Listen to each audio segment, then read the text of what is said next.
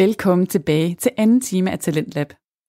I den første time, der var det podcasten Det som ingen ser, hvor programmets vært taler med spændende mennesker om de ting i livet, der kan være svære at spotte på ydersiden. Det som ingen ser, det er en podcast, der ønsker at bryde tabuer, så vi får nemmere ved at tale om de ting, der kan være svære. For som verden Johanne understreger, så er livet ikke altid perfekt, men det er altså også helt okay. Og i afsnittet der fortalte 22-årige Tejtur om, hvordan det er at være homoseksuel i Danmark i dag. Han kom både ind på barndommen, ungdommen, hvor han sprang ud, og det voksenliv, han lever i dag, sammen med kæresten Anders. Men nu er det altså blevet tid til, at vi skal over i det spirituelle hjørne.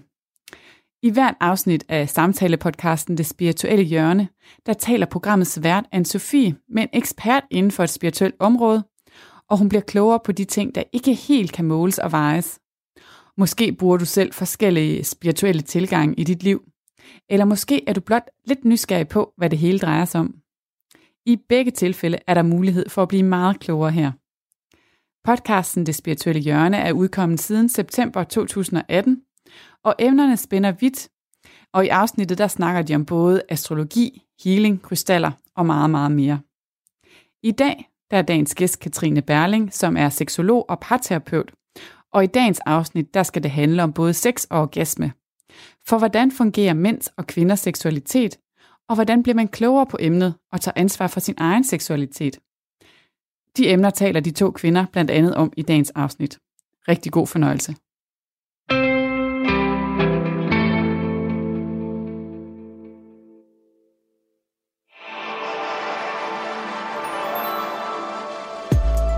Er landet i det spirituelle hjørne, en podcast for dig, som er nysgerrig på alt det, der ikke nødvendigvis kan måles og vejes. Jeg hedder Anne-Sophie. Velkommen til. I dag der skal det handle om sex og orgasmer.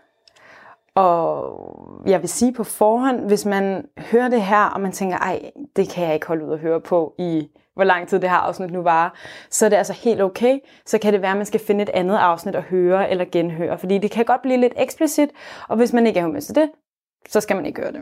Mm. Når det er sagt, så vil jeg gerne sige hej til dig. Du hedder Katrine Berling. Det gør jeg nemlig. Og det er dig, jeg skal tale med, om det her emne med i dag. Mm-hmm. Og øh, vil du ikke forklare selv? Giv en lille præsentation af, hvem du er. Jo. Øh, jeg hedder som sagt Katrine Berling, og jeg er seksolog og parterapeut. Og jeg tror, 80% af alle de klienter eller kunder, der kommer hos mig, det er for det meste kvinder. Og man kunne sådan dele dem ind i forskellige kategorier, for jeg ser kvinder, som enten aldrig har fået en orgasme. Jeg møder kvinder, som godt kan komme alene, men de kan ikke komme sammen med en mand.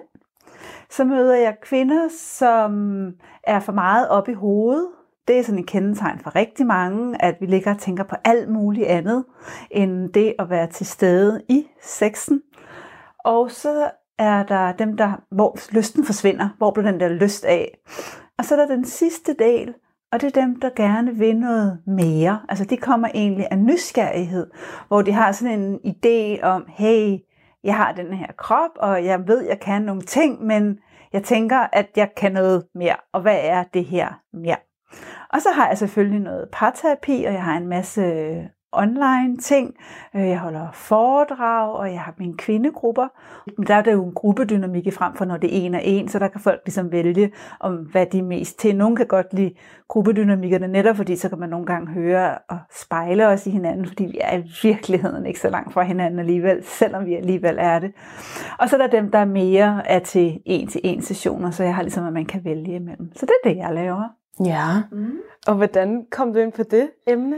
Ja, hvordan kom jeg ind på det emne? Jeg tror i virkeligheden, at det var nogle tilfældigheder, og så måske alligevel ikke. Altså nu handler det her jo lidt om spiritualitet også. Mm. Så det der skete, det var, at jeg var til et foredrag faktisk igennem Kirsten Stendevad i hendes gudindecirkler.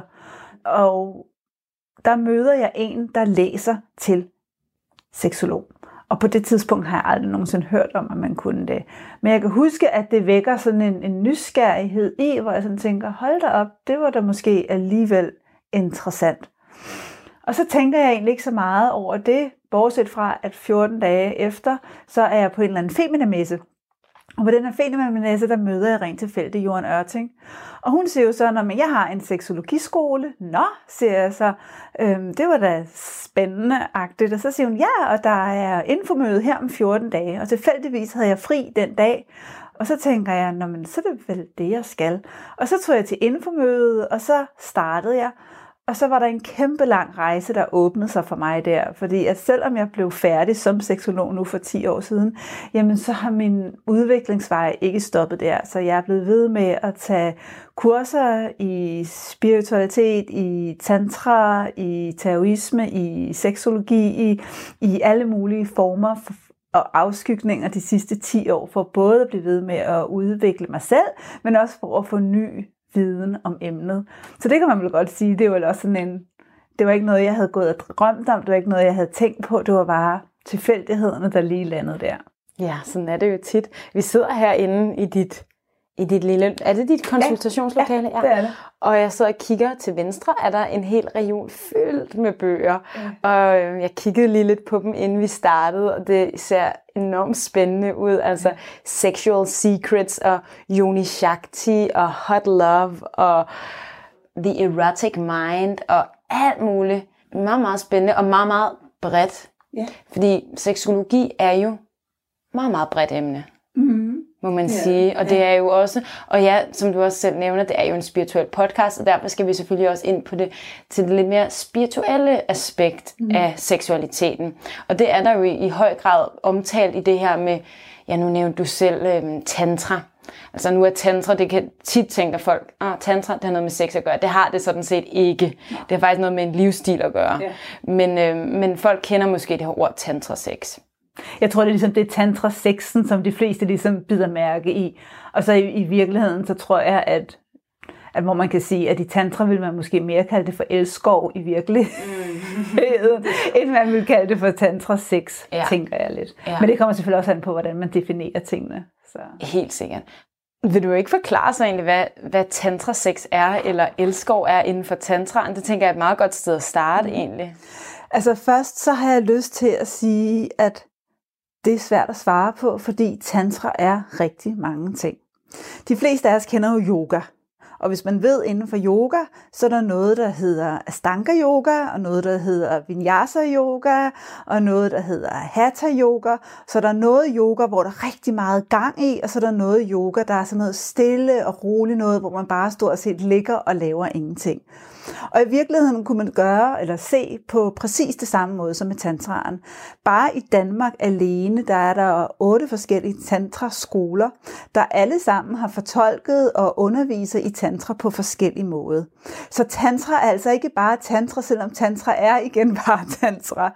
Så det er jo også vigtigt, at hvis det er, at man er nysgerrig for tantra, at man ligesom går ind og begynder ligesom at kigge på, jamen, hvad er det egentlig, jeg leder efter? Hvad for en flavor, får jeg lyst til at sige? Hvad hedder det på dansk? Det hedder sådan en hvilken... En smag. Ja, hvil, ja hvad hvilken, min smag, hvad ja. min smag ikke? Altså, hvad er det egentlig, jeg er til? Hvad, så kan man også igen sige, hvor seksuelt skal det være? Hvor der er nogen, øh, i sådan noget, som man i hvert fald kender for The White Tantra, øh, som er meget, at vi masse øjenkontakter, vi ligger og kigger hinanden dybt ind i øjnene, og vi mærker hinandens energier, hvor så er der andre tantraformer, former, hvor vi har mere inkluderet høj arousal i. Ikke? Ja. Men man kan sige i hvert fald, så kan man så sige, at tantra som grundting handler jo om energi og bevidsthed. Så de to ting, det er i hvert fald noget, man ofte har med i en tantrisk elskov, hvor man kan sige, at mange, nu siger jeg almindelige mennesker, når det er, at vi har sex, så kan vi have en tendens til, og jeg siger bestemt ikke, at det er alle, men stadigvæk, at ligge og tænke på alt muligt andet. Enten er vi i altså performance, er jeg nu sexet nok? Er jeg nu øh, lækker nok? Tænder han nu på mig? Keder han nu på mig? Og alle sådan nogle ting, det er jo i hvert fald noget, der tager min bevidsthed væk fra det, jeg ligger og er midt i. Så man kan sige, en ting, som tantra i hvert fald handler om, det er det der med at have bevidstheden i lige nu og her at være til stede. Men det kan man jo sagtens have, selvom man ikke har noget med tantra at gøre, kan man jo sige. Hvad skal man så i stedet for tænke på? Jamen det der med at være til stede i, hvad det, der sker. Altså det der med at være til stede i kroppen, øh, begynder at sanse og opleve sin krop, øh, mærker og sanse den partner, man nu engang er sammen med. I virkeligheden tage alle mål ud af sexen. Altså glem alt om orgasmen i virkeligheden. Glem alt om, at vi skal et eller andet bestemt hen. Men mere være i det, der sker lige nu og her, altså på samme måde som vi også sidder her lige nu og her og har en samtale sammen, uden at have en idé om, hvornår vi slutter, eller hvornår vi ikke slutter, eller hvad skal vi snakke om. Altså vi følger flowet egentlig, og er til stede i det, der sker, og det er lidt det samme, som øh, bevidst elskov, eller mindfulness elskov, eller tantrisk elskov også handler om. Ja. Mm. Har du, må jeg spørge sådan helt personligt, har du kunne mærke en forskel nu? Nej, for 10 år siden blev du uddannet seksolog, så mm. hvis vi går tilbage fra hvad ved jeg, 12 år tilbage, mm. inden du vidste noget om det her, inden du gik ind i mm. det univers, har din egen måde at have sex på og forstå sex på, altså den ændret sig? Mm, meget. Øhm, jeg tror, hvis jeg skal sådan kigge på hele min seksuelle øhm, historie, så har den startet med, hvor jeg i virkeligheden var meget uskyldig. Øhm, og jeg havde aldrig nogensinde sådan et vildt teenageoprør, hvor jeg var ude og var sammen med en masse, som der, der er nogen, der er, det havde jeg aldrig. Så jeg var meget uskyldig, kunne man i virkeligheden sige.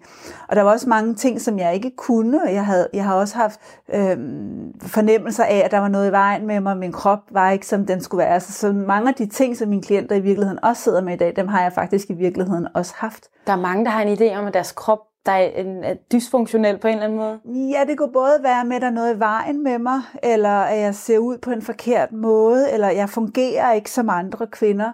Den møder jeg ofte, øhm, og den kender jeg selv fra dengang jeg var ung. Og, og det kan man jo arbejde med, så man begynder at sådan, få, jeg, jeg laver sådan lidt, lidt grin med det en gang imellem, når folk spørger mig, hvad laver du? Og så siger jeg sådan lidt, jamen jeg fortæller bare kvinder, at der ikke er noget i vejen med dem. Og det er jo lidt simpelt, men, men det er stadigvæk det, jeg kan høre, at når folk har snakket med mig, så er der rigtig mange kvinder, der siger, om det, der var det bedste ved det, det var ligesom at, at få ord på, når man, der er ikke noget i vejen mig. Ja. Og ofte så er der ikke noget i vejen med nogen af os. Men vi er forskellige, og vi har forskellige præferencer, og vi rører ved os selv på forskellige måder. Vi har forskellige måder af ting, vi godt kan lide, hvilket er fuldstændig naturligt. På samme måde som der er også nogen, der elsker frikadeller, og nogen, de vil hellere have en rejemad, eller, eller hvad det nu er. Så vi har jo alle sammen forskellige præferencer, men det gør os jo ikke forkerte, og det er bare så vigtigt, at vi husker på det. Ja. Mm-hmm.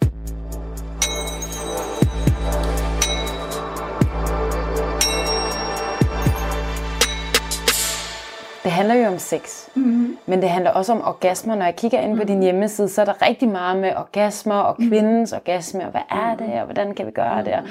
hvad er en orgasme egentlig? Jamen, øh, i min verden, så er en orgasme mange ting i virkeligheden. Jeg tror lidt, at det, der også gør, at der er mange kvinder, der kommer til at føle sig forkerte, det er, at vi kommer til at putte en orgasme ned i en boks, hvor den skal se ud på en bestemt måde.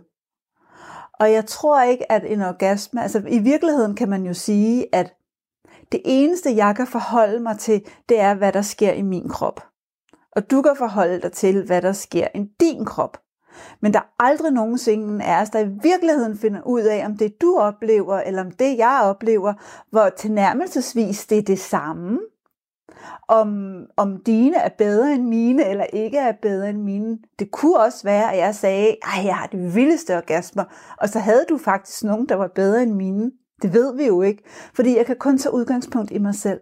Ja, selvfølgelig. Ja. Ej, det er sjovt. Det, er, det har jeg aldrig tænkt på, men Nej. det er jo rigtigt. Man kan jo aldrig gå over i en anden krop og mærke. Nej. Og det tror jeg, at vi ofte kommer til at, at tale om orgasmer, og hele tiden tro, jamen gud, der er noget andet derude, og, og der er nogen, der kan noget, som jeg ikke kan. Og selvfølgelig kan vi alle sammen gøre noget for at blive bedre til at være til stede. Men igen, vi bliver nødt til at tage udgangspunkt i, hvad er det, jeg oplever lige nu og her. Så er der alle de her øh, kliniske betegnelser for, hvad en orgasme er. Sådan nogle ting med, jamen, at der skal være sammentrækninger i skeden, og jeg skal have en high arousal, og der skal være en spænding. Og det vil jeg sige, jamen det er der for nogle orgasmer, men det behøver der i virkeligheden ikke at være for alle orgasmer. Så nogle mere øh, jeg sidder og, og har en idé om, at der skal være nogle bestemte ting, der skal være opfyldt for, at jeg får en orgasme, nu mere bliver jeg forvirret i virkeligheden, fordi det kan jo være, at min krop vil noget andet. Og så kan man jo snakke om sådan noget med det der med at grine. Fordi vi griner jo også alle sammen, og vi griner alle sammen på forskellige måder. Men der er ikke nogen, der sidder og stiller spørgsmålstegn ved, om dit grin er bedre end mit grin, eller om, om, om dit grin er, er forkert, eller om dit grin er mere rigtigt eller end, sjovere, eller sjovere end hvad mit grin er. Men så snart det handler om sex, så kommer der alt det her performance ind i, hvor vi begynder at tvivle på os selv, og, og tænker, hey, hvad er det, der sker her? Hvor tror du, det performance kommer fra? Jamen, det kommer mange steder fra. Øhm, det, det kommer jo både fra os seksologer, øh, det kommer også fra medier, det kommer i, hvad det er, vi læser, øh, kommer fra pornofilm, øh, hvad det er, vi ser. Alle de her ting, der hele tiden florerer rundt, men også hvad det er, vi snakker med vores veninder om. Øh, og ofte, så kan man så sige, så har vi nogle ting, vi, vi fortæller os selv, eller nogle antagelser, vi tror på, som der måske i virkeligheden ikke er helt rigtige. Så igen, i stedet for så lytte til vores egen krop og tage udgangspunkt i den, så nogle gange så er vi meget mere over i alle de andre. Hvad er det, de kan? Ja, fordi det er også det der interessante ved sex. Nu startede jeg selv lige med at give sådan en lille disclaimer, kan man kalde det på, på engelsk. Altså, ah, hvis du ikke har lyst til at høre det, så er det helt okay, mm. fordi sex kan godt nemlig blive lidt, lidt meget, og der er sådan, at siger, der er bare sex overalt, men samtidig er der også bare enormt meget tabu om sex, mm. og vi må kun tale om sex på en særlig måde, og igen det her pornofisering, altså skal det altså bare se mm. ud på en særlig måde, det skal være ensrettet, og det skal være snorlige, og det må i hvert fald ikke være, ja, gå, gå skævt på nogen måde. Hvorfor tror du, det er sådan? Jamen, der ryger du igen ind i, i det, som jeg vil kalde performance sex. Ja. Og det er ikke, fordi der er noget i vejen med det, for en gang imellem kan det også være smadret sjovt at så gøre det. Men hvis det altid er sådan, så kan man så sige, nu mere jeg er i performance under sex, nu mere stresser jeg også mig selv, og jeg stresser min partner. Og så kan man så sige, hvad kom først, hønnen eller ægget? Det er sådan set ligegyldigt. Men lad os antage, at at, at jeg ligger og er sammen med en eller anden, og han ligger og prøver på at få mig til at komme, for eksempel. Hvis jeg har et meget sensitivt nervesystem, så vil jeg højst sandsynligt kunne mærke det her ubevidste pres, hvor han ligger og prøver på at få mig et bestemt sted hen. Og det vil ofte forplante sig som stress i mig, så min krop begynder at lukke ned. Det vil sige, i stedet for, hvor jeg plejer at sige, at en god elsker hos en mand er i virkeligheden ikke, hvorvidt han får en kvinde til at komme eller ej, det er, om han kan få hende til at slappe af. Fordi i det øjeblik, jeg er afslappet, så gør min krop mere eller mindre det, som min krop nu engang skal gøre. Hvorimod, at hvis jeg bliver presset ud i et eller andet, så det er det der, hvor jeg kommer til ligesom at ja, at spænde ben for mig selv. Ja, ligesom går ud af sin krop og kigger ned på sig selv i den der situation og tænker, nu skal jeg altså også præstere, og det er også synd for, om han prøver så hårdt, eller, eller hun prøver så hårdt, hvad, hvad man nu er sammen? Med. Og man kan så sige, pangdangen til det, det er jo så det, der sker i manden, hvor man kan sige, det som øh, er pangdangen til, at, om kvinden får en orgasme eller ej, det kan man sætte over på mandens rejsning. Så man kan sige, en, og en anden ting med mænd også er, at jeg plejer også at sige, at, at den, de bedste mandlige elsker er dem, der ikke er bange for at miste deres rejsning.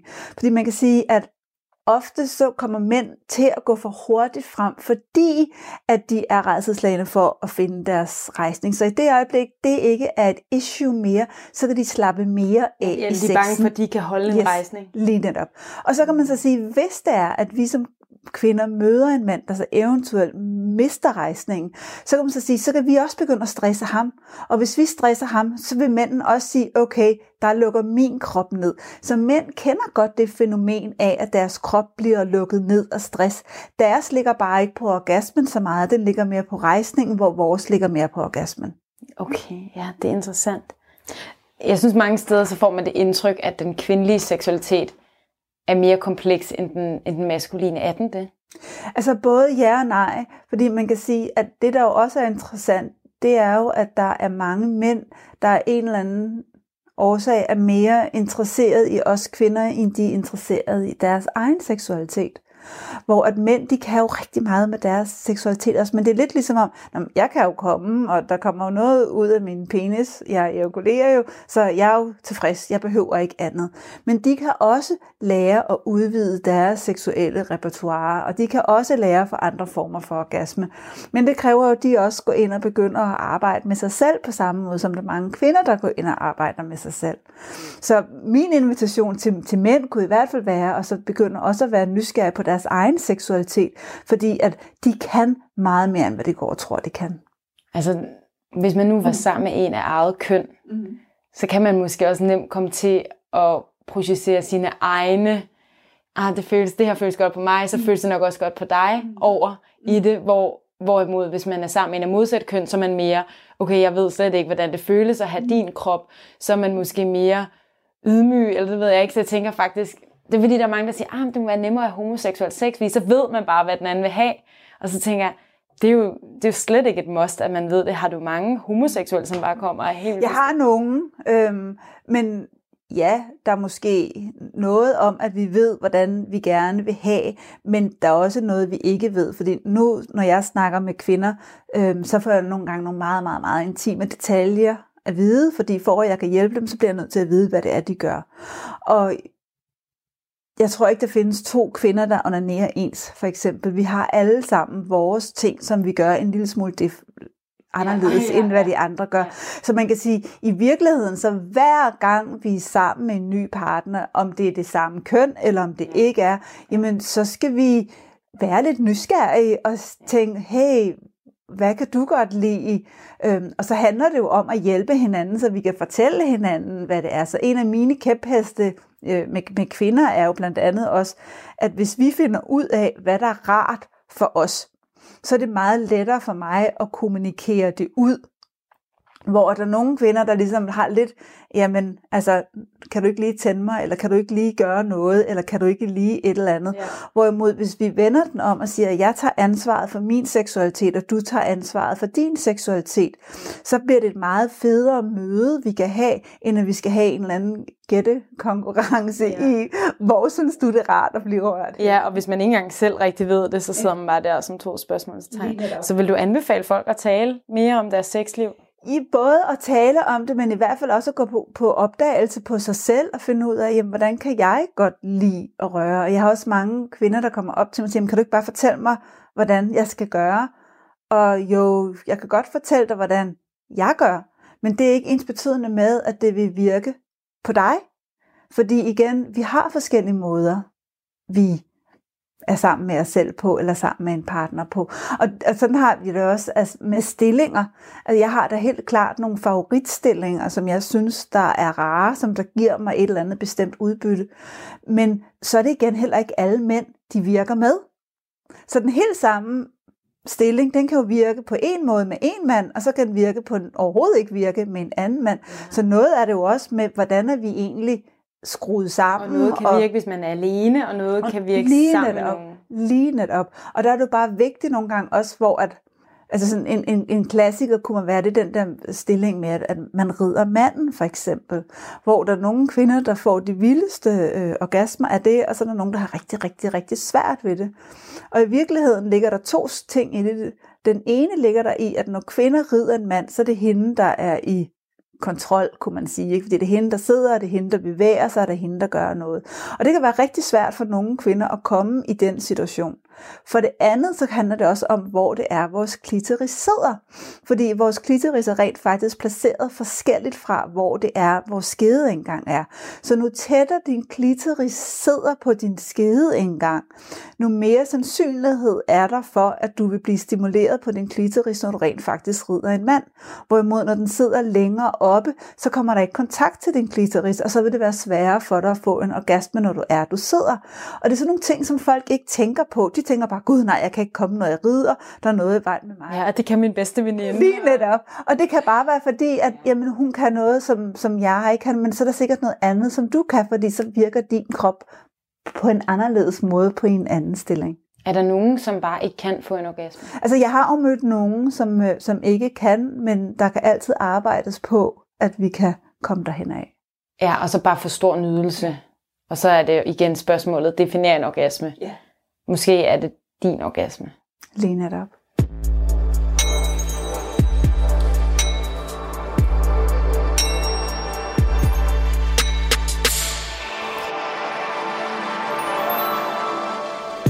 Du er landet i det spirituelle hjørne, en podcast for dig, som er nysgerrig på alt det, der ikke nødvendigvis kan måles og vejes.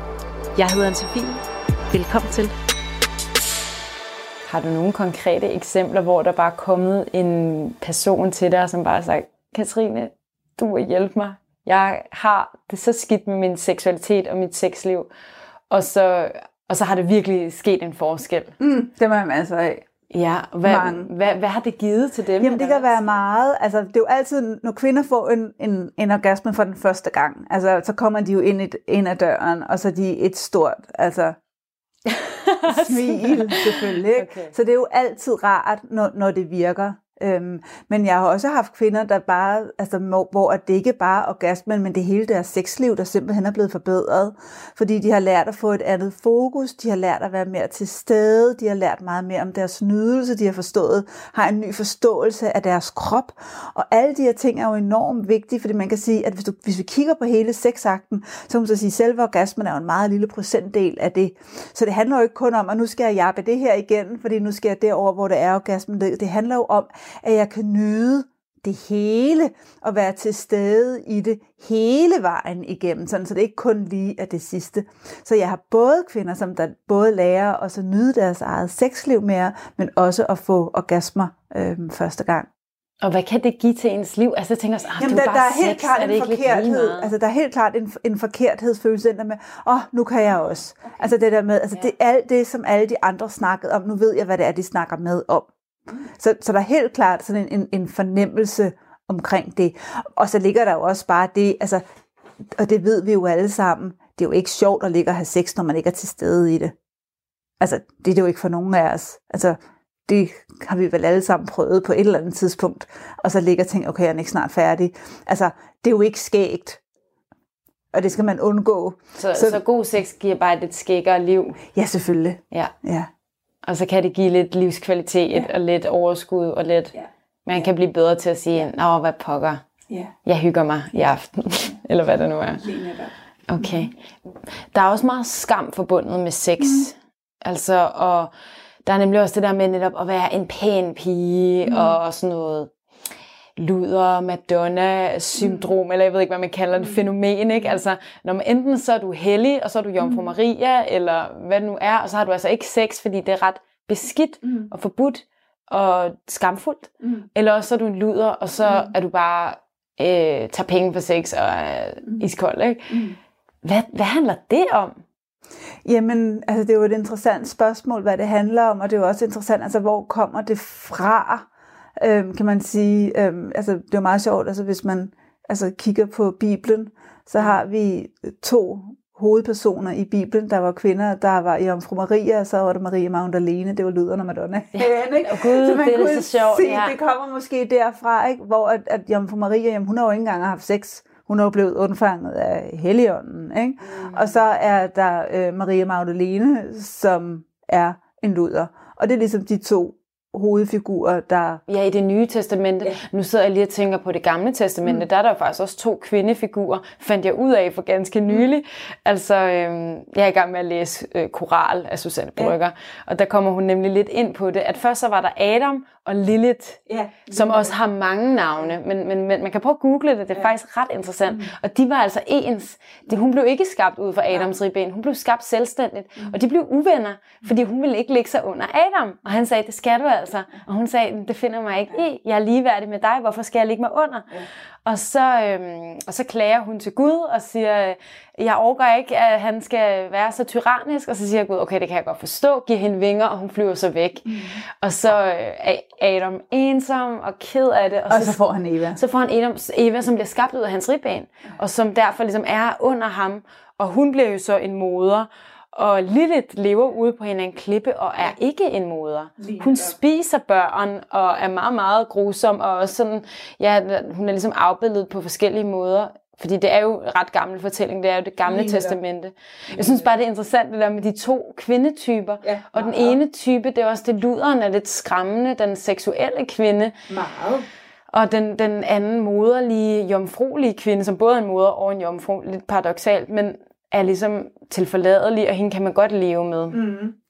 Jeg sad lige og ledte efter en... Øh, øh, inde på YouTube, der ligger en film, der hedder The Secret Gate to Eden. Mm.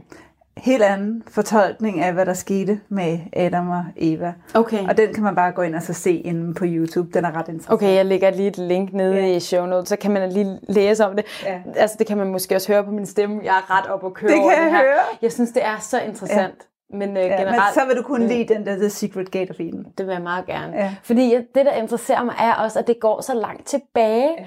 Og det er også ligesom noget mere eller mindre ubevidst, vores kultur faktisk bygger på. Det her kvindesyn. I hvert fald vores Ja. kultur, Ja, ikke? og så er der selvfølgelig også andre kulturer, fordi der er jo også, altså hvis man så kigger på det gamle Kina, øhm, i, og hvor, hvad hedder det, terrorismen kommer fra, mm.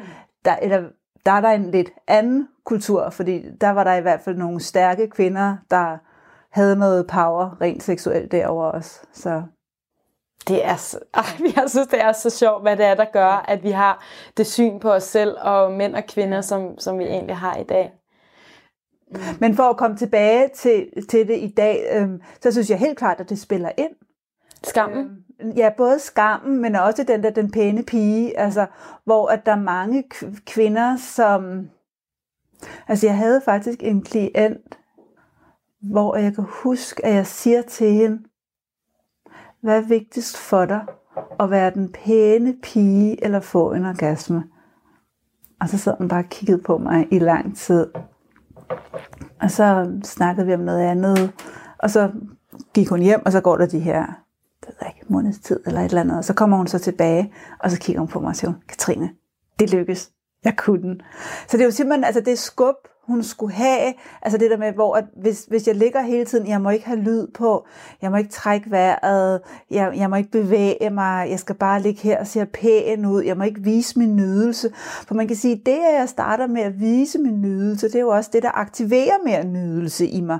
Så nu mere aktiv jeg er i den seksuelle akt, nu mere får jeg jo også ud af den. Hvorimod, hvis jeg ligger som en søstjerne, så, så sker der ikke så, ja, så sker der ikke så meget i min krop, hvor at hele min krop, den bliver jo aktiveret af, at der sker noget i den. Ikke? Jo, det er sjovt. Ligesom man kan jo også, man, eller jeg har i hvert fald læst, at hvis man smiler, og selvom man ikke er glad, Ja.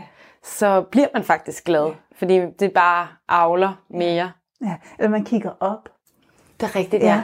Når man går, altså kigger man opad. Man kan næsten heller ikke være sur, når man ligesom kigger ud af og løfter hovedet og kigger op. Men hvis man går sådan her og kigger nedad, så, så bliver man også meget mere indenlukket. Og hvis man kigger på mange sådan psykisk syge også, der ligger man jo mærke til det på den psykisk syge går ikke rundt sådan her og kigger ud i, i verden med løftet, med løftet hage. De går også sådan lidt mere øh, indelukket og lidt skuttet i, hvad hedder det, skuldrene og kropsproget er mere lukket sammen, ikke? Mm. Hvad er det, jeg tænkte på med? Jeg tænkte bare på noget, du sagde, den pæne pige. Hvor tror du, den kvinde har fået den idé fra, at hun ikke må have lyd på? Jamen det er jo svært. Altså, det, altså man kan jo sige, vi, vi fødes jo alle sammen som seksuelle væsener.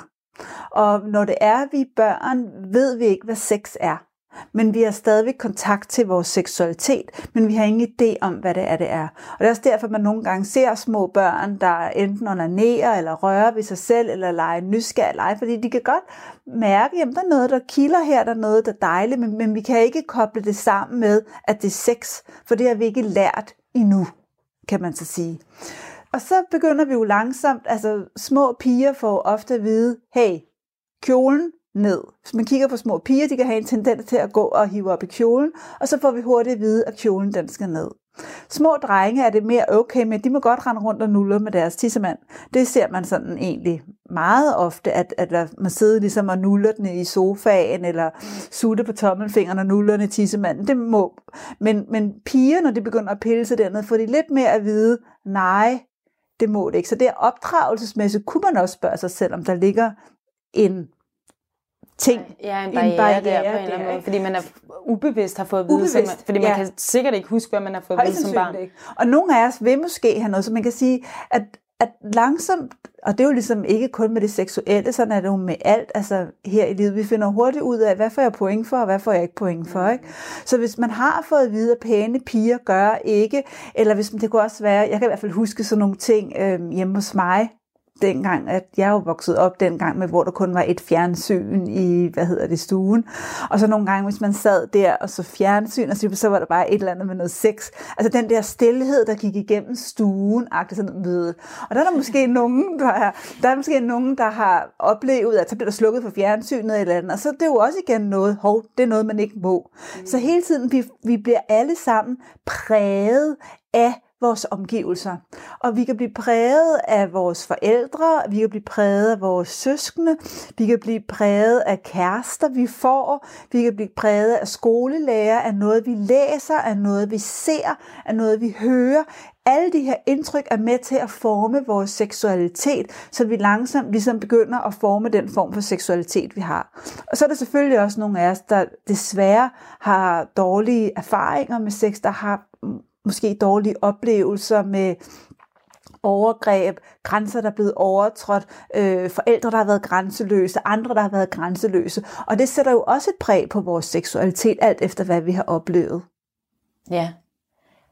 Tror du, man kan også være født mere eller mindre seksuel? Altså tror du, nogen bliver bare født sådan, som bare seksuelle væsener, hvor nogen er sådan, nej, nah, Højst sandsynligt ja. Altså man kan jo sige, at vi fødes jo alle sammen ind i denne her verden med forskellige temperamenter. Yeah.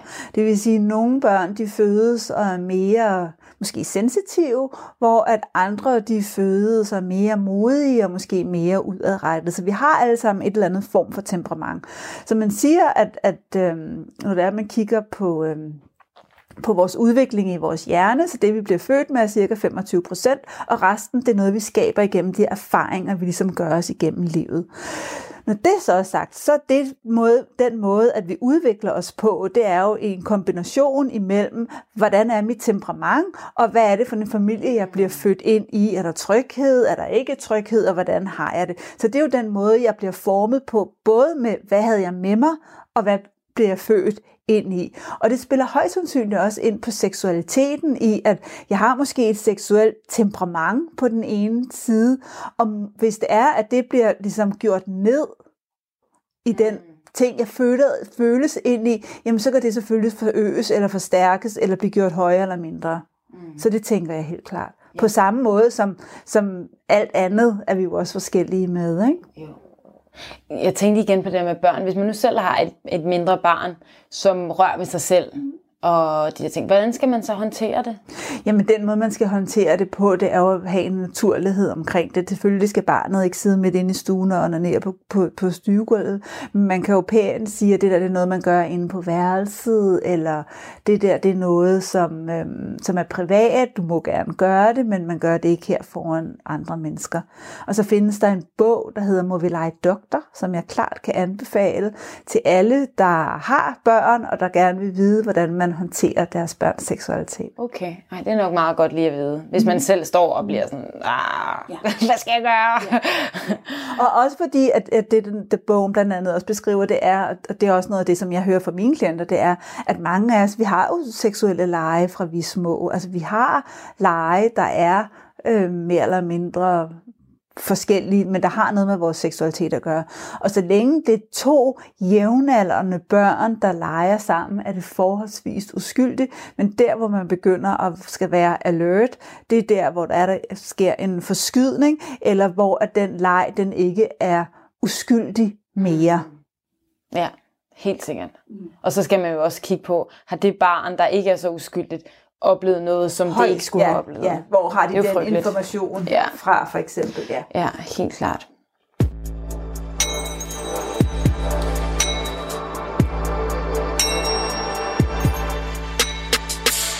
Kan en seksualitet ændre sig igennem livet? Altså man kan have nogle præferencer for noget, når man er i en alder eller en periode i sit liv, og så kan det ændre sig. Er det normalt, eller har man, altså nu tænker jeg også især på sådan, ah, om hvis man godt kan lide, at øh, det skal være lidt hårdt, eller det skal være, det kan også være, at man tænder på et køn, og så tænder man lige pludselig på et andet køn, eller et eller andet. Kan det, er det normalt at ændre sig, eller er det sådan rimelig meget, det er sådan, du er? Altså jeg mener helt klart godt, det kan ændre sig for nogen. Man kan sige, nu mere ensporet din seksualitet er, nu mere sidder den ofte fast. Okay, hvordan hvor, altså, hvor, for eksempel, hvis du har en fetish, altså en, en fetishist for eksempel. Så en, det kunne for eksempel være, at der var en mand, som tænder på neglestrømper eller høje hæle eller et eller andet. Ofte så vil de være meget indsporet i, at de har ligesom denne her genstand, der ligesom gerne skal være en del af deres seksualitet. Hvorimod hvis du har en bredere seksualitet, så kan du have flere elementer inden i det. Øhm, og der synes jeg, da, altså hvis jeg i hvert fald skal kigge på mig selv, at min seksualitet, den har, den har ændret sig meget i, i virkeligheden. Hvor at øhm, man, man kunne beskrive det lidt øhm, på denne her måde. Man kan sige, at, at der kan være forskellige faser i den måde, at du kigger på din seksualitet på os. Hvor man kan sige, at en fase kunne være der, hvor at jeg var i en seksuel fase, hvor jeg havde lyst til at gå i celibat. Det kunne godt være et bevidst valg, at jeg rent faktisk tænker, gud, jeg synes bare, at sex det fylder for meget lige nu, så jeg tænker, jeg har lyst til lige at fuldstændig lægge det på hylden, og så vil jeg finde ud af, gud, hvad sker der så? Hvordan mærker jeg min seksualitet, hvis jeg ikke begynder at, at udleve den hele tiden, hvis jeg ikke onanerer hele tiden? Altså, og det kunne jo godt være, at det bare var en nysgerrighed. Altså, hvad sker der, hvis jeg ikke har sex i et måned, eller i to måneder, eller pakker jeg den helt væk, eller begynder jeg at drømme om det, eller, eller bliver jeg hungrende, eller hvad, hvad sker der? Så det kunne sagtens være et bevidst valg. Eller bliver jeg mere øh, produktiv? Altså der er jo mange religioner også, hvor man, hvor man praktiserer celibat for netop, at så skal du ikke gå og spille tid med at tænke på det. Lige så kan du koncentrere dig om, om din religion. Andet. Eller noget. Så der kunne man, man, det kunne også være, at man, altså, det er ligesom, at man nogle gange kunne lave en sukkerpause. Altså, mm. så kunne man jo også lave en sexpause, hvor man bare siger, ej, puha, nu er jeg nu skal jeg lige prøve at mærke mig selv, eller nu skal vi lige have en time-out for det her, fordi vi skal lige lave noget andet. Jeg kunne godt finde på, hvis jeg for eksempel havde par i parterapi, og så nogle gange give dem altså et break i sex, og når jeg siger det, så er det så penetrationssex, jeg vil snakke om her, øhm, hvor at så skulle de måske arbejde mere på noget intimitet, øhm, kunne det være, sådan så de lærte ligesom at være sammen på en anderledes måde, sådan så alt, øh, sådan så noget af det andet kunne begynde at få en grobund for, at ikke bare alle kys skal føre til sex, eller alle knus skal føre til sex, fordi ofte så kan det være enormt stressende, når det er, at vi kommer derhen. Så det kunne være en fase. En anden fase af en, seksuel, af en seksualitet, det kunne være, at man, Øh, Ja, at man, man måske var i en fase, hvor man havde brug for at, at hele sig selv. Så det kunne være, at der var sket et eller andet med mig. Det kunne være, at, øhm, at jeg havde været syg, jeg havde været en sygdom igennem, eller en fødsel igennem.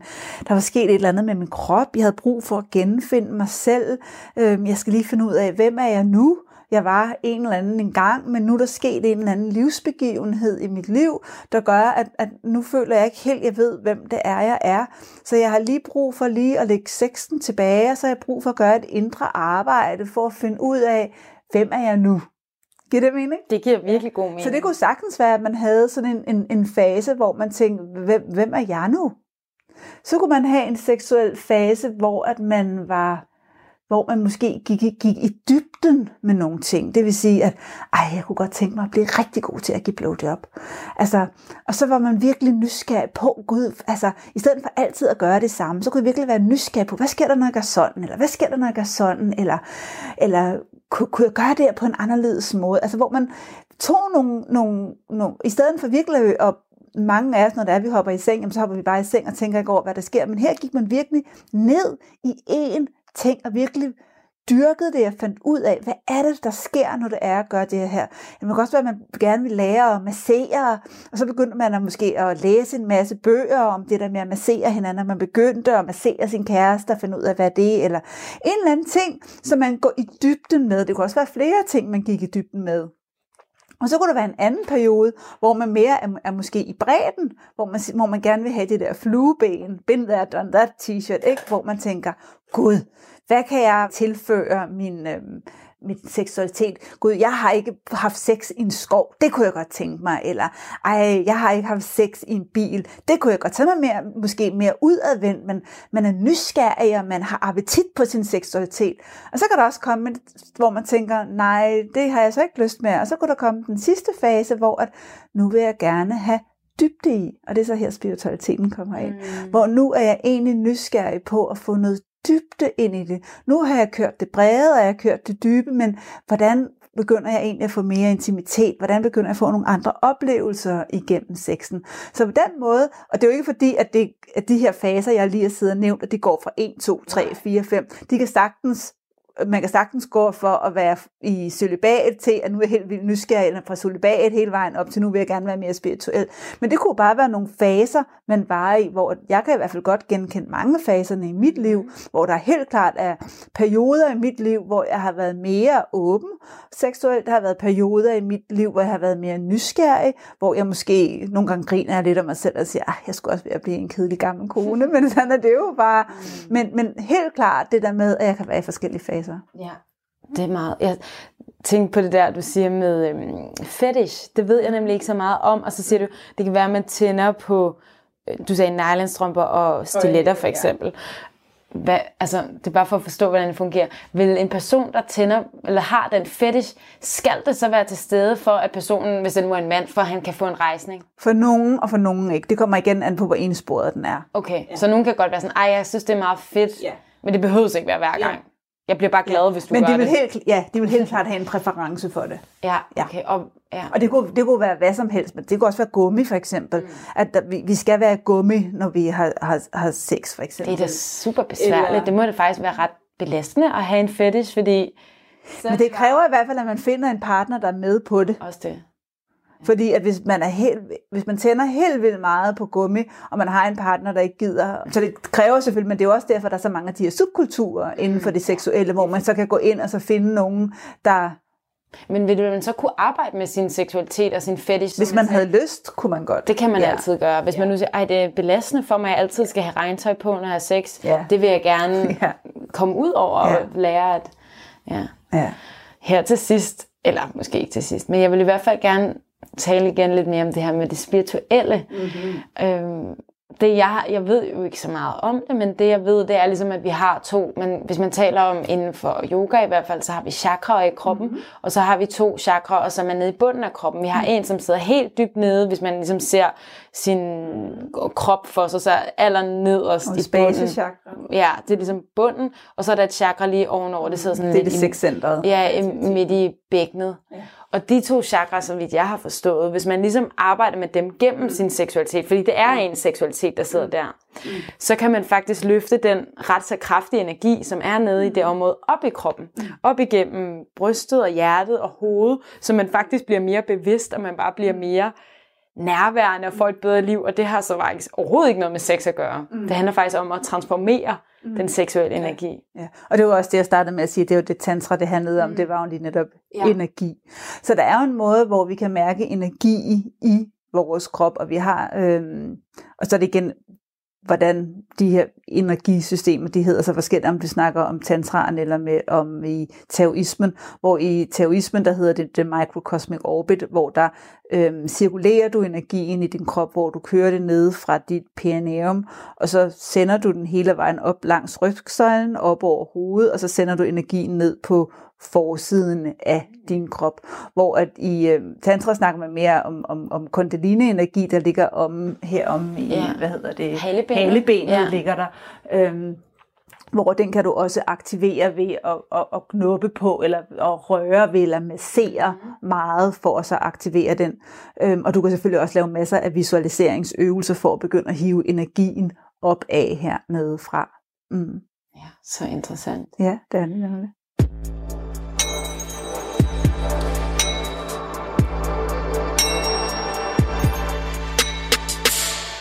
Har du et godt råd, hvis man sidder og hører det her og tænker, ej, hvad, hvad vil et godt seksuelt råd være? Jamen altså man kan sige, hvis det er, at vi snakker om energi, energi er jo altid interessant, fordi at, at der er nogle mennesker, der har, har, man kunne sige, mere flere for at mærke energi. Der er nogen, der bare, vi mærker bare energi, uden ligesom også at tænke over det. Men så er der også nogen, der ligesom skal lære det. Øhm, og så er det lidt ligesom, hvor jeg sagde før, det der med orgasmen, at vi skulle ligesom brede det ud, fordi ofte, så når vi så snakker om energi, så er der også bare nogen, der siger, det er bare så vildt, jeg har bare det her, wow, der er en energi, der løfter sig op. Og det gør jo så, at alle folk tror, når, men når jeg skal mærke energi, så skal der bare komme sådan et springvand op af min rygsøjle, der bare styrter op som en eller anden raket. Og sådan behøver det ikke at være. Så i starten, så skal man måske mere mærke efter de små ting. Det kunne være en lille citron, det kunne være en lille, sådan en, sådan en ligesom en små sommerfuglevinger, der vibrerer. Altså det der med nogle, nogle, ja, eller nogle, eller nogle små, fine fornemmelser, vi skal starte med at arbejde med. Og det kræver jo igen, at jeg får opmærksomheden tilbage i min krop, så jeg begynder at lægge mærke til de her, i stedet for bare at sige, det kan jeg ikke mærke, fordi det er jo bare lydagtigt. Mm.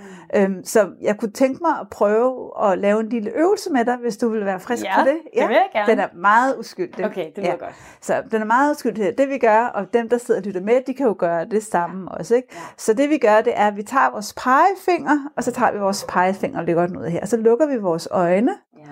og så begynder vi at trække vejret tager tre dybe, lange vejrtrækninger og slapper fuldstændig af i vores krop.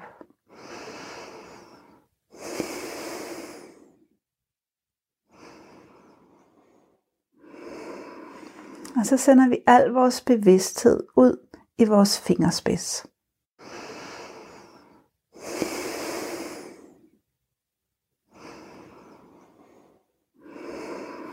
Ja. Ja.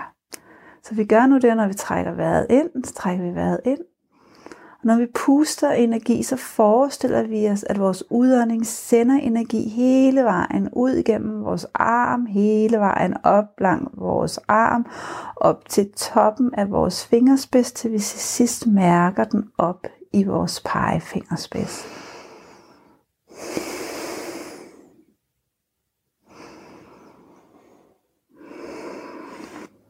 Så vi bliver ved med at trække vejret og sender energien op til pegefingeren. Bliver ved med at mærke vores pegefinger. Og vi har bare alt vores opmærksomhed herop. Og så når vi har en form for fornemmelse i vores pegefinger, så begynder vi at se, om vi kan få den til at vokse. Om vi kan få den til at blive større. Om vi kan få den til at fylde mere. Vi tager bare og går med den fornemmelse, vi nu engang har i vores pegefinger. Og for hver indånding og udånding, vi tager, så sætter vi mere og mere liv i den fornemmelse, vi har i vores pegefinger. Mm. Så må jeg spørge, hvad du mærker? Mm. Må jeg åbne øjnene? Ja. Okay, jeg, i starten, men jeg havde faktisk ærligt talt lidt svært ved at koncentrere mig først. Men så, så mærkede jeg faktisk, at, ligesom, at jeg fik en ballon ud på fingerspidsen, Mm. som ligesom var rød, Mm. og som var sådan lidt større. Kunne du puste den op? Ja, lidt. Så på hver udånding, så pustede jeg ligesom lidt større. Og hvordan var fornemmelserne ved dine fingre? Hvordan anderledes end hvad den var for dine andre fingre? Jeg mærkede slet ikke de andre fingre. Jeg mærkede kun den. Og jeg mærkede den ret meget. Jeg går ikke så meget og mærker min højre pegefinger. Men øh, ja. Så energi går, hvor bevidstheden er. Ja. Og nu var det her jo kun en pegefinger. Mm. Ja. Tænk nu, hvis det her det var et andet sted på din krop. Det er en god øvelse. Jeg håber, der var nogen, der ville lave den sammen med os. Ellers så kan man jo altså lige spole lidt tilbage og så det kan prøve man igen. lave den igen. Det er altså en meget fed guide. Og det er jo det i virkeligheden, det er jo sådan noget, jeg sidder og underviser kvinder i. Det er det der med at være til stede i, Ja. hvad er det, der sker. Ja. Hvor er det, jeg bliver rørt henne? Mm. Så jeg hele tiden mærker og sanser og oplever det, som der sker lige nu og her. Ja. Ej, det var et godt råd. Tusind tak, fordi jeg måtte komme. Ja, det var så lidt. Det var det spirituelle hjørne for denne uge. Musikken den er lavet af August Blikker Fris. Husk, at du kan følge det spirituelle hjørne på Instagram. Der er et nyt afsnit klar igen om en uge. Indtil da, have det rigtig godt.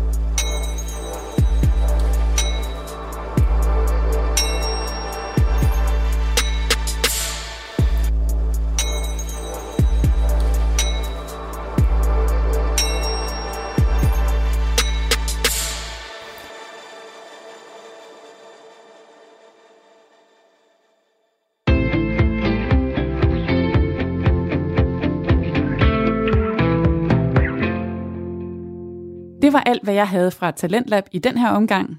I dag der er vi kommet vidt omkring.